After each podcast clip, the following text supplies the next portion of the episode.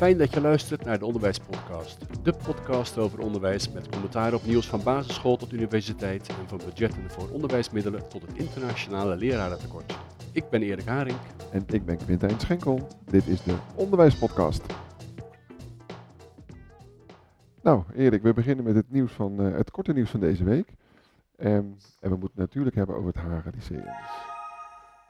Ja, het Haga Lyceum. Dat uh, is deze week erg het nieuws geweest. De minister Slop heeft uh, besloten dat hij uh, de bekostiging van deze school ter discussie wil stellen.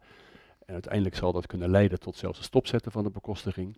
En dat alles naar aanleiding van het feit dat deze school aangetoond heeft dat het bestuur van deze school niet goed in staat is om het onderwijs op peil te houden. Ja, nou ja, wat ik wel mooi vind aan, aan deze casus is dat er ook op telegraaf.nl bijvoorbeeld direct stond van nou ja, dat hele uh, religieuze onderwijs, daar moeten we vanaf. Uh, terwijl dit juist aantoont dat de checks en balances die we hebben, dat die heel goed werken. De school komt uh, bovendrijven, wordt netjes geïnspecteerd en de minister kan maatregelen nemen. Dus eigenlijk vind ik dat helemaal prima en moeten we niet gelijk de vrijheid van onderwijs ter discussie stellen. Nou, daar ben ik wel met je eens, maar ik zie ook wel een risico. Uh, de minister heeft nu aangegeven, nou, ik kan dus besluiten om die bekostiging te halveren of zelfs helemaal stop te zetten. Maar dit is wel een, uh, een, school die uh, makkelijk, denk ik, op andere manieren aan geld kan komen.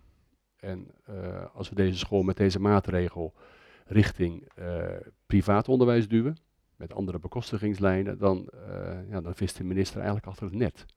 Nou, dat ben ik niet zo bang voor, want ook het particulier onderwijs staat natuurlijk gewoon onder uh, inspectietoezicht. En moet zich ook gewoon houden aan de, aan de kaders die daarvoor gelden. Uh, en de uiterste maatregel kan zijn dat het onderwijs gewoon verboden wordt. Maar ook al worden ze particulier gefinancierd, dan nog vallen ze gewoon onder, een, uh, onder het kader van de inspectie.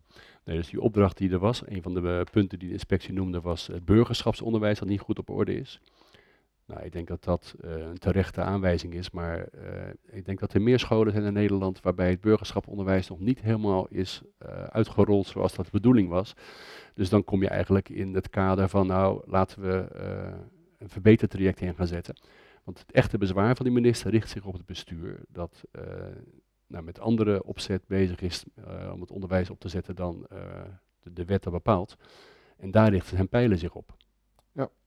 Ja, dat is, dat is natuurlijk ook zo. Maar goed, nogmaals, ik denk dat het, uh, dit hele proces juist aantoont dat het goed is dat we de inspectie hebben.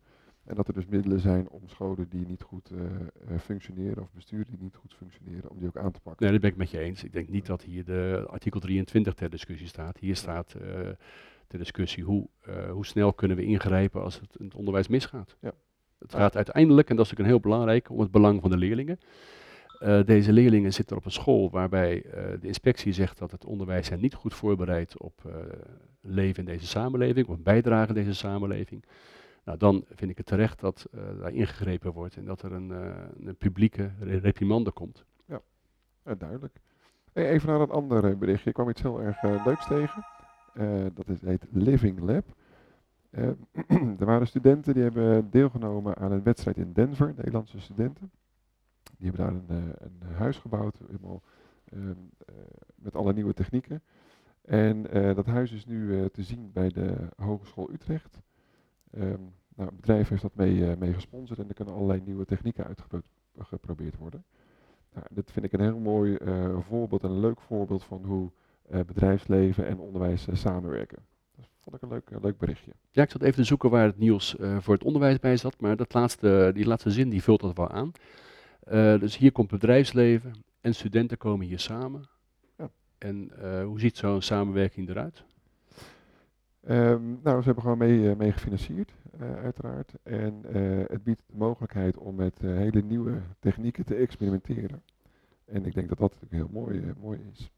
Zien we hier ook een, een vorm waarbij het bedrijfsleven ook kennis overdraagt aan, aan, aan de studenten of aan jongeren?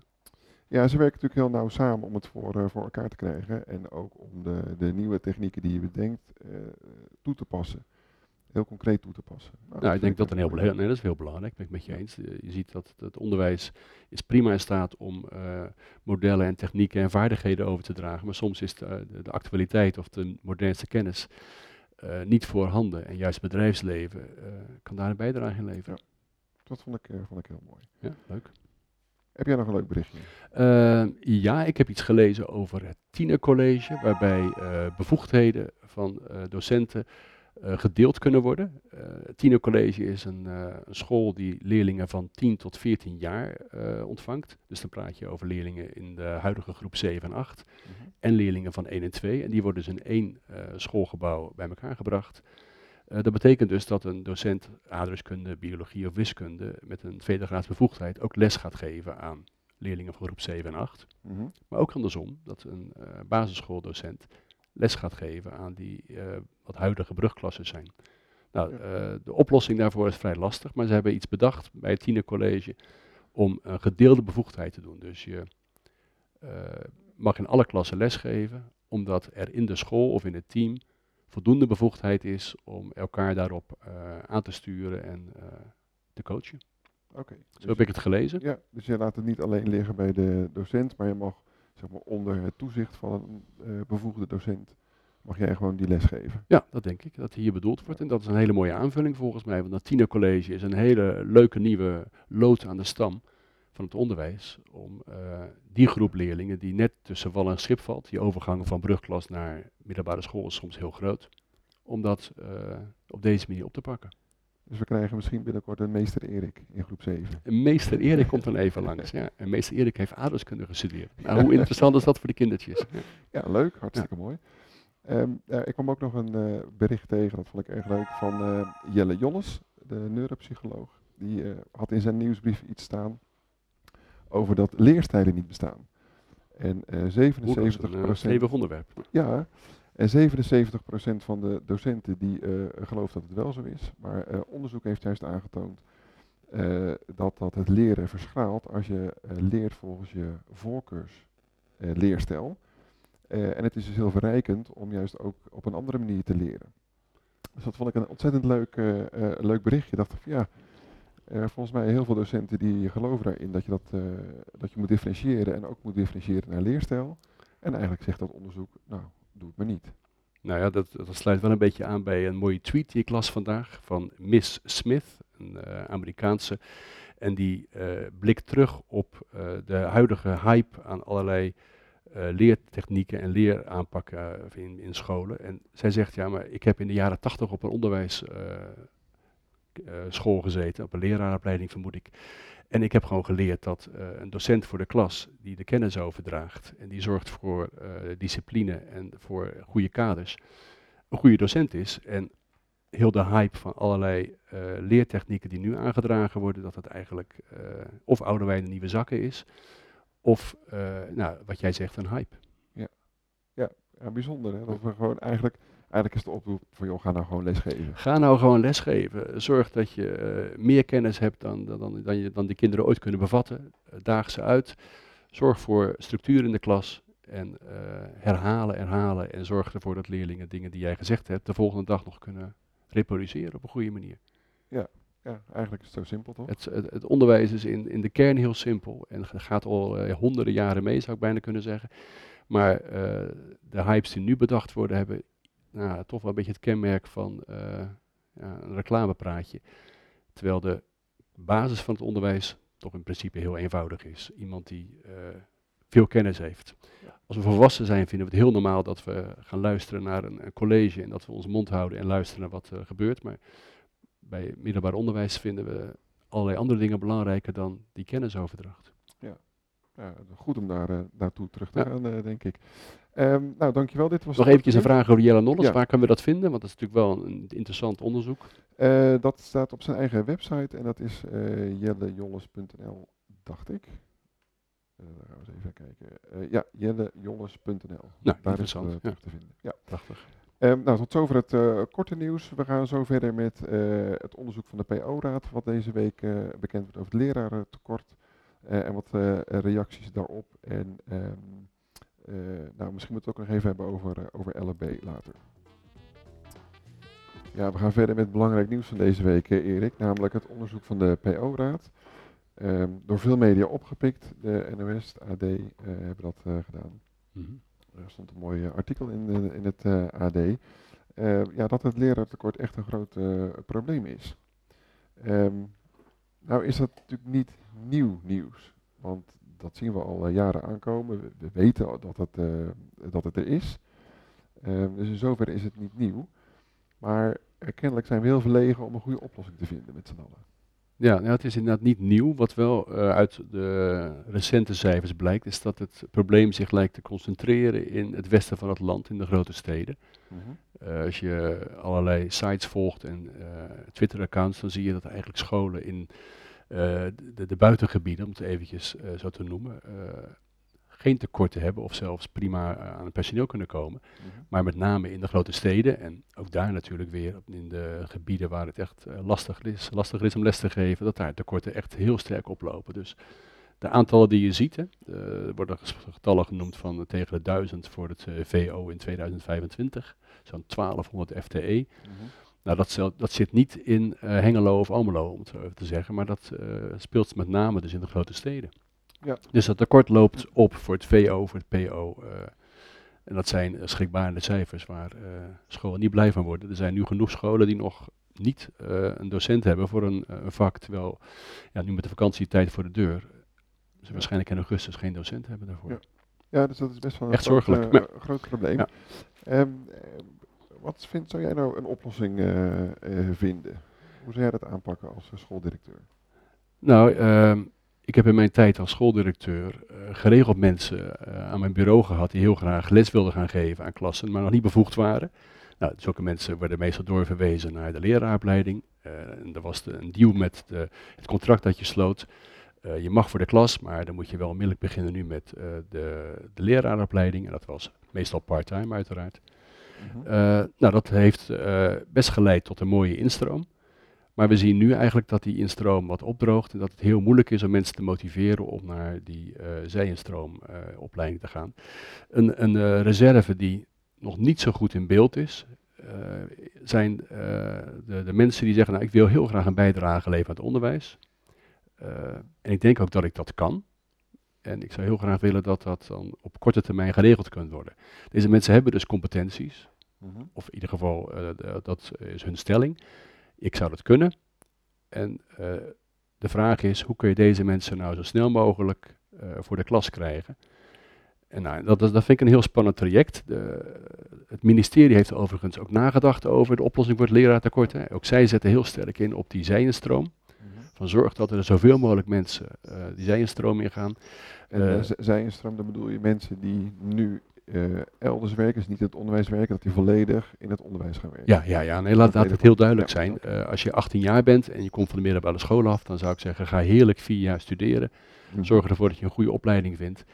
En geniet van je studententijd en uh, bouw allerlei competenties op in die jaren. Ja. Maar mensen die dus uh, in het bedrijfsleven werken. Ja, de vogeltjes in de studio hebben naar de zin. Dat kunnen we ook horen. Wat fijn. Ja. Maar mensen die in het bedrijfsleven werken. Uh, het is altijd lastig om een voorbeeld te noemen, maar noem eventjes iemand die bij Shell werkt in een laboratorium in Rijswijk. Nou, die hmm. heeft denk ik redelijk veel kennis over het vak scheikunde. Of in ieder geval lijkt me dat voor die persoon niet zo heel moeilijk om dat snel op te pakken. En uh, een aantal van deze mensen heeft competenties die ja. uh, zou voor de klas kunnen. Opgebouwd in, de, af, in de, de loop der jaren van die loopbaan. En uh, nou, die reserve die wordt nog onvoldoende, denk ik, aangesproken. Een derde poot van, hun, van het ministerie is het behoud van leraren. er is niet alleen een tekort omdat er te weinig mensen gaan studeren, er is ook een tekort omdat te veel mensen het onderwijs verlaten en naar een andere werkkring gaan zoeken. Nou, daar wordt ook op ingezet. Dat is natuurlijk een hele lastige. Ik hoor onmiddellijk iedereen al roepen van, dan moet je de salarissen verhogen, dan blijven deze mensen wel werken. Nou, daar is, heeft de minister op dit moment geen extra geld voor. Ik denk dat dat wel uitgeput is. Dus die route lijkt me niet zo heel begaanbaar. Maar er wordt ingezet op het behoud. En dat kan met werkdruk te maken hebben, met uh, facilitering, mensen aanbieden om zich te ontwikkelen. Daar is over het algemeen wel budget voor. Uh, maar de boeiendste uh, pijler. Want het ministerie spreekt over zes hoofdlijnen. En de zesde hoofdlijn, ik denk dat dat heel interessant is. Uh, van Menen van D66, het Tweede Kamerlid, heeft daar ook voor deze week op gereageerd. En dat is het anders organiseren van de instroom. En het, andere, en, uh, het kijken naar innovatieve ideeën. Dat is echt de zesde pijler.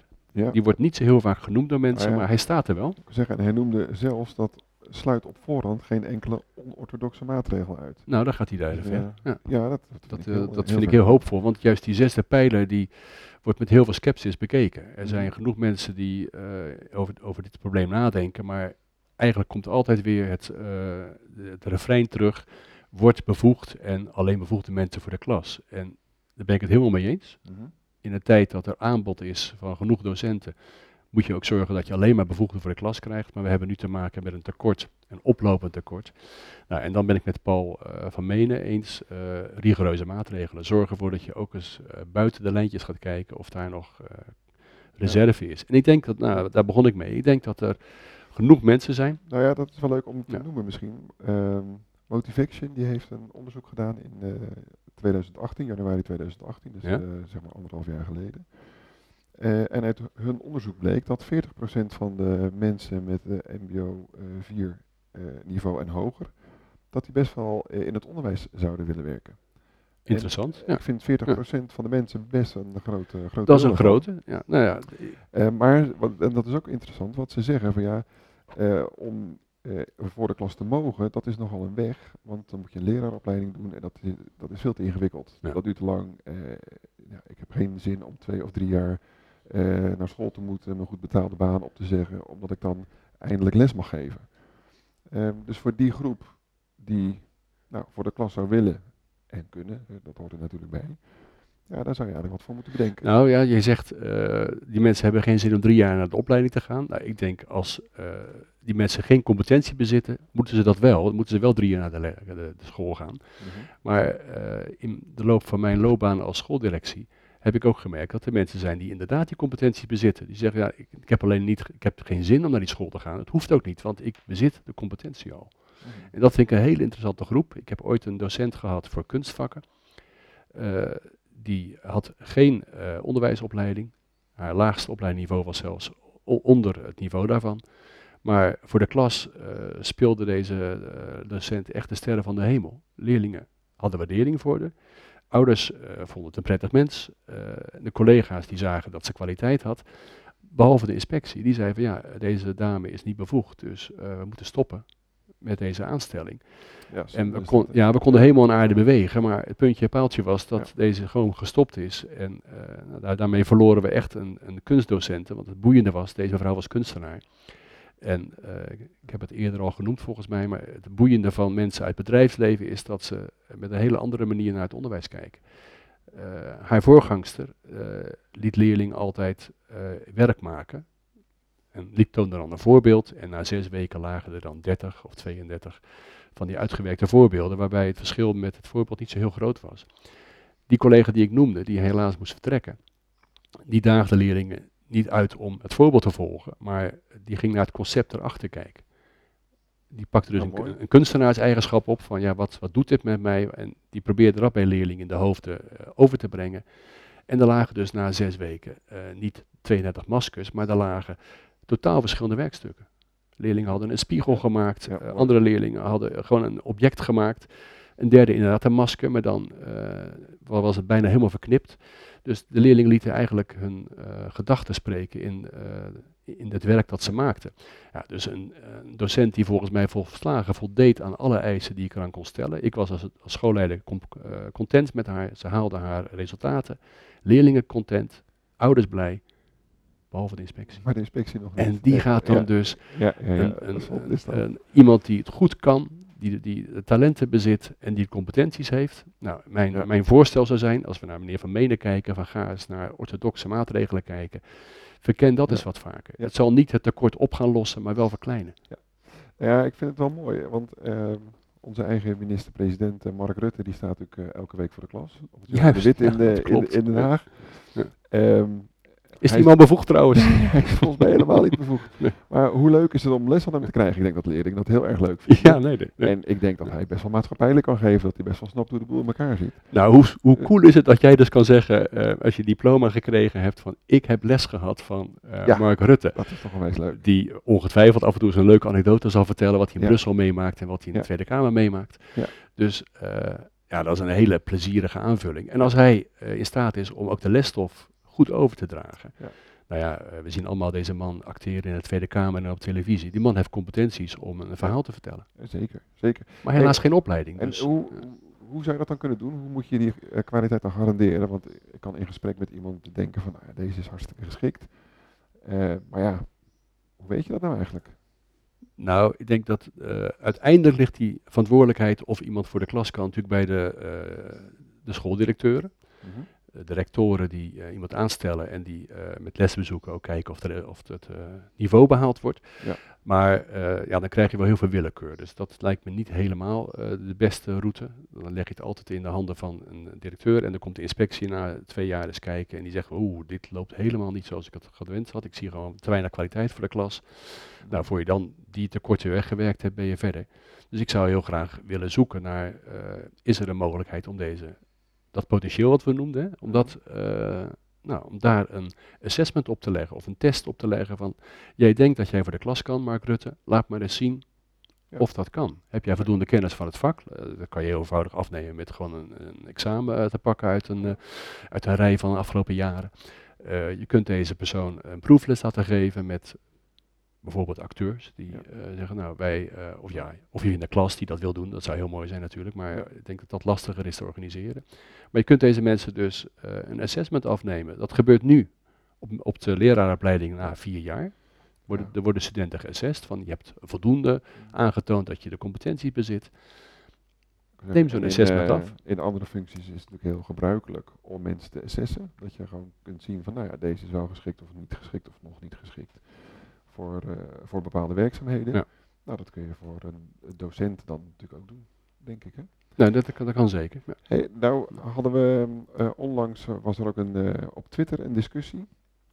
En nou, daar worden allerlei argumenten genoemd van ja, eh, eh, leuk is dat. Ehm, ik, ik denk wel dat ik chirurg kan worden. Eh, dus laat mij nou gewoon in mensen snijden. Ik heb heel veel geoefend, ik heb heel veel gekookt, dus ik heb heel veel in, eh, in vlees gesneden. Nou, ik kan best wel eh, iemand opereren. Dat zou ik dan toch wel moeten kunnen. Ja, ja dat, dat argument wordt geregeld genoemd. De piloot wordt genoemd, de chirurg wordt genoemd. En in het debat snap ik zo'n zo'n opmerking, maar het is in feite een drogreden. Ja, vind je? Ja, ja, dat vind ik echt een drogreden. Eh, met alle respect voor het vak van piloot en chirurg, maar dat is niet te vergelijken met eh, het vak van docent. Mhm. Een piloot, eh, nou, daar vertrouw je jezelf volledig aan. Als de man één klein foutje maakt, kan dat fataal zijn. En dat geldt ook voor een arts. Een arts die een zware operatie moet uitvoeren. Nou, ik heb niet zoveel vertrouwen in iemand die zegt van nou, ik heb ook wel eens gekeken naar een programma op televisie over opereren, dat gaat me lukken. Want als deze persoon een fout maakt, is dat onherstelbaar vaak. Ja. Het Ja. kan zelfs fataal zijn, nou, daar moet je niet aan denken. Maar een piloot en een, eh, en een arts hebben dus een, eh, een een beroep dat, waar geen fouten gemaakt kunnen worden. Mhm. En nou wil ik niet zeggen dat je het onderwijs maar fouten moet gaan maken, maar eh, onderwijs eh, werkt met leerlingen naar een einddoel. En dat gaat via allerlei slingerwegen en allerlei eh, eh, bochten afsnijden. En soms een hele lange bypass maken, omdat het gewoon hartstikke interessant is. En daarin is voldoende tijd om te zeggen, nou ik heb gisteren misschien iets uitgelegd, maar ik wil dat toch nog even benadrukken vandaag. Een hele mooie TED-talk van, van eh, eh, Rita Pearson, een, eh, een onderwijsdame, eh, Amerikaanse vrouw. En die vertelt op een gegeven moment eh, in het begin van haar carrière, stond ze les te geven, wiskunde te geven. En aan het eind van de les komt ze erachter van, oh ik heb het helemaal fout uitgelegd. ja, Helemaal ja, verkeerd. ja, ja. Oh, wat moet ik doen? Ja. Nou goed, dus met het schaamrood op haar kaken de volgende dag naar de klas toe en zeggen, nou eh, eh, mensen, ik heb, het, ik heb het verkeerd uitgelegd. Dom. Ja, ja. Weet je wat de reactie van de leerlingen was? Oh mevrouw, dat hadden we al lang in de gaten. Ze zei, oh, maar hoezo heb je dat dan niet gezegd? Nou mevrouw, u was zo enthousiast. dus we dachten, we laten het maar gaan. Ja, mooi. ja. Nee, maar dat, dat, dat, dat is waar. En, eh, dus het onderwijs heeft gewoon de kansen om eh, op een andere manier met fouten om te gaan. Eh, en, maar ik heb een, ook een andere vergelijking. En dat is, een, de docent is, is niet te vergelijken, vind ik, met een piloot. Maar wel te vergelijken met eh, bijvoorbeeld het beroep van ontwerper. Of van sporter, of van coach, of van acteur. Dat, dat, dat laatste bijvoorbeeld. Eh, er zijn genoeg mensen die niet de toneelacademie gedaan hebben, maar die wel zo'n Ja. volle zalen kunnen trekken, omdat het publiek zegt, ja, maar jij brengt gewoon een prachtige eh, avond Ja. op de planken. Ja, ja. Ik kom volgende keer weer naar je kijken. Of een, eh, een kok, als het niet te eten is, komen mensen heus niet meer naar het restaurant. Nee. Maar niemand vraagt bij het betreden van een restaurant, bent u bevoegd. Ja. Je wil weten of de keuken schoon is, dat Ja. er geen bacteriën rond eh, hangen die, die er niet He- horen. Heeft u de opleiding wel afgerond? Ja. Heeft u de Nee. oplossing? Eh, ja. en dat Ja. geldt voor topsporter. Eh, je hebt ook mensen die eh, heel goed naar de sportacademie kunnen gaan. Maar er zijn ook genoeg talenten die dat niet meer hoeven, omdat ze aangetoond hebben dat ze het Ja. kunnen. Ja. We hebben ooit het verhaal gehad Oh, van. Willem van Hanegem. Ik weet niet of je Ja. die nog kent. Zeker. Willem van Hanegem was een begaafd voetballer in Rotterdam. De Kromme genoemd. En na zijn schitterende carrière had hij de ambitie om trainer te worden. Eh, Ja. En eh, daar was een eis aangesteld van ja, trainer is een beschermd beroep. Net zoals docent. Je moet er wel bevoegd voor zijn. Er is een trainersopleiding. Duurt twee jaar Willem. Dus eh, meld je maandagmorgen maar met, je, met je pen en met je, met je boekje. Nou, Willem had daar niet zoveel zin in. Uiteindelijk werd er een compromis gesloten van nou, Willem moest dan met een paar anderen, ik geloof ook nog met, met, met Kieft, een verkorte cursus volgen. Mhm. En eh, nou, de pers had daar wel oren naar en die stond dus na afloop van die cursus buiten de deur en Willem kwam naar buiten lopen en eh, de journalist vroeg, eh, en Willem, heb je vandaag wat opgestoken? En Willem antwoordde, ja, twee sigaretten. Ik bedoel, die man kan dat. Het is bijna een belediging voor zijn competenties om te zeggen, Ja. hey Willem, je moet even in de schoolbanken en leren hoe het voetbal werkt. Ja. Eh, er zijn genoeg mensen die het kunnen. Maar Johan Cruijff heeft denk ik ook niet zo'n hele lange opleiding gehad. Ja, Nee. eh, met zijn voetbalcarrière. Ja. Maar eh, er zijn dus mensen die het kunnen. En nou, dat komt terug bij die discussie van, met, van Menen onder andere, met ort- orthodoxe maatregelen. Er zijn mensen die het kunnen. Ja, mooi. Ik vind, en ik vind het wel een mooie, mooie maatregel waarbij je tegelijk ook de kwaliteit kunt garanderen. Dus dat is hartstikke mooi. Nou, we gaan naar ons laatste onderwerp, naar de LOB. Ehm curriculum.nu, eh wel Eh. LOB voor de luisteraars Ja. staat voor. loopbaanoriëntatie en begeleiding. En eh, curriculum.nu, eh, wel bekend, hè, eh, houdt zich bezig met eh, ontwikkelingen voor het nieuwe curriculum. Die wil eh, expliciete aandacht voor LOB bij de verschillende vakken. Juist. En ehm, wat is heel leuk, afgelopen periode heb ik eh, eh, lesgegeven als invaller op een school. En eh, een eh, collega die vertelde eh, laatst aan mij dat 100% van zijn klas, van zijn mentorklas was geslaagd. Het waren 32 leerlingen. En hij zei van ja, dit was best... Mooie, eh, mooie prestatie overigens. ja, dat, dat was heel knap. En hij zei van nou, het was niet, niet eens een makkelijke klas, want een aantal leerlingen had ik zelf niet in de les. Eh, er zaten een aantal leerlingen met een rugzakje in, dus dat was best wel moeilijk. Hij zei maar wat ik gedaan heb en wat ik altijd doe, ehm, is dat het doel voor die leerlingen duidelijk moet zijn. Ze moeten weten wat ze willen eh, na school, want dat is een hele sterke motivator. En hij maakte de vergelijking, hij zei van ja, je moet je voorstellen, eh, inmiddels is het WK eh, voetbal afgelopen, maar eh, stel je dat WK voor en er wordt een wedstrijd gespeeld. Dus je hebt een prachtig stadion vol met mensen. Ehm, eh, het, het veld ligt er keurig bij. De spelers komen op het veld, de bal komt erin. Dan wordt afgefloten van oké, we gaan starten met de wedstrijd. Maar er zijn geen doelen. ja, ja gaan, we- gaan we voetballen. Speel die bal maar rond. Ja, ja, maar. Nou ja, dan wordt het spelletje twee keer 45 minuten wordt er best ingewikkeld van. Ja. Nou, dat vond hij ook met, eh, met school. Zei van, ja, je moet gewoon weten wat je wil. En als je dat weet, is het een hele sterke motivator om ook eh, te scoren. Dus je moet weten waar je kunt, eh, kunt scoren. Dus dat vond ik heel erg leuk om dat, dat van hem te horen. Ik van ja, maar hoe, doe- hoe doe je dat? Want dat is natuurlijk best wel een beetje, een beetje ingewikkeld. En gecombineerd met ehm eh, curriculum.nu denk ik van ja, ehm, hoe moet je dat nou eigenlijk vormgeven? Eh, nou, er zijn wel wat mooie eh, initiatieven voor. Eh, je wilt heel graag dat er mensen in de klas komen bij leerlingen die een beroep hebben dat in het verlengde ligt van de studie die ze doen. Ja. Dus Ja. nou, hoe mooi zou het zijn als mensen bereid zijn om een gastles te geven op een school. Er is een heel mooi pact nu in eh, Rotterdam, het eh, Sterk Techniekonderwijs. Die hebben Mhm. een, eh, convenant gesloten, een, een pact moet ik geloof ik zeggen. En dat eh, behelst dat mensen uit het bedrijfsleven bezoek brengen aan de klas en gewoon hun beroep benoemen. En zeggen, nou, dit doe ik. En eh, nou, dat ligt vaak in het verlengde van een bepaalde keuze die op school gemaakt wordt. Dus ze maken kennis met heel veel mensen die in het bedrijfsleven zitten. Natuurlijk heeft het bedrijfsleven er heel veel baat bij, want eh, het is moeilijk om aan goed personeel te komen, met name in techniekonderwijs, techniekvakken. Eh, dus dit, de, hier heb je een win-win situatie. De bedrijven kunnen hun bedrijf promoten. Ja. Van jongens, hartstikke leuk om bij ons te komen werken. En leerlingen die krijgen mee van, nou, Ja. Dus dat ligt achter dit vak. Bij natuurkunde ligt in het verlengde, of bij techniek, Ja. of bij eh, metaalbewerken. Uiteindelijk word ik dus iemand die bijvoorbeeld jachten maakt op de Ja. scheepswerven van Hollandia of andere eh, Ja. scheepswerven in eh, de regio. Nou, een hartstikke mooi pact. Dus eh, de samenwerking tussen bedrijven en, eh, en scholen, Ja. die zorgt voor zo'n prachtige LOB. Ja. Excuus, dat was een telefoontje. En nou ja, wat, wel misschien leuk is om te vertellen. Ik heb laatst, ehm, toen ik de economielessen gaf, eh, toen hadden we het over de economische crisis. En eh, ik heb op de studentenvereniging gezeten bij Martin Visser. De Martin Visser. De Martin Visser Ja. van de Financiële Telegraaf eh, onder andere. En had ik eens uitgenodigd voor mogen eens een keer Skype. Hij zegt, nee, ik vind het veel leuker om langs te komen. Dus hij kwam langs om een mooie presentatie te houden over de crisis. Geweldig. Ja, voor leerlingen Nou. ontzettend leuk, want Ja. hij weet er alles van. Kennen de leerlingen hem trouwens? Nee, ik moest hem wel even introduceren, Ja. maar ze vonden het heel erg leuk. En ehm, op een gegeven moment komt ook de vraag, en dat vond ik ook wel heel leuk, van nou, eh, maar meneer, eh, hoe bent u nou eigenlijk journalist geworden? Hoe heeft u dat nou eigenlijk gedaan? Ja.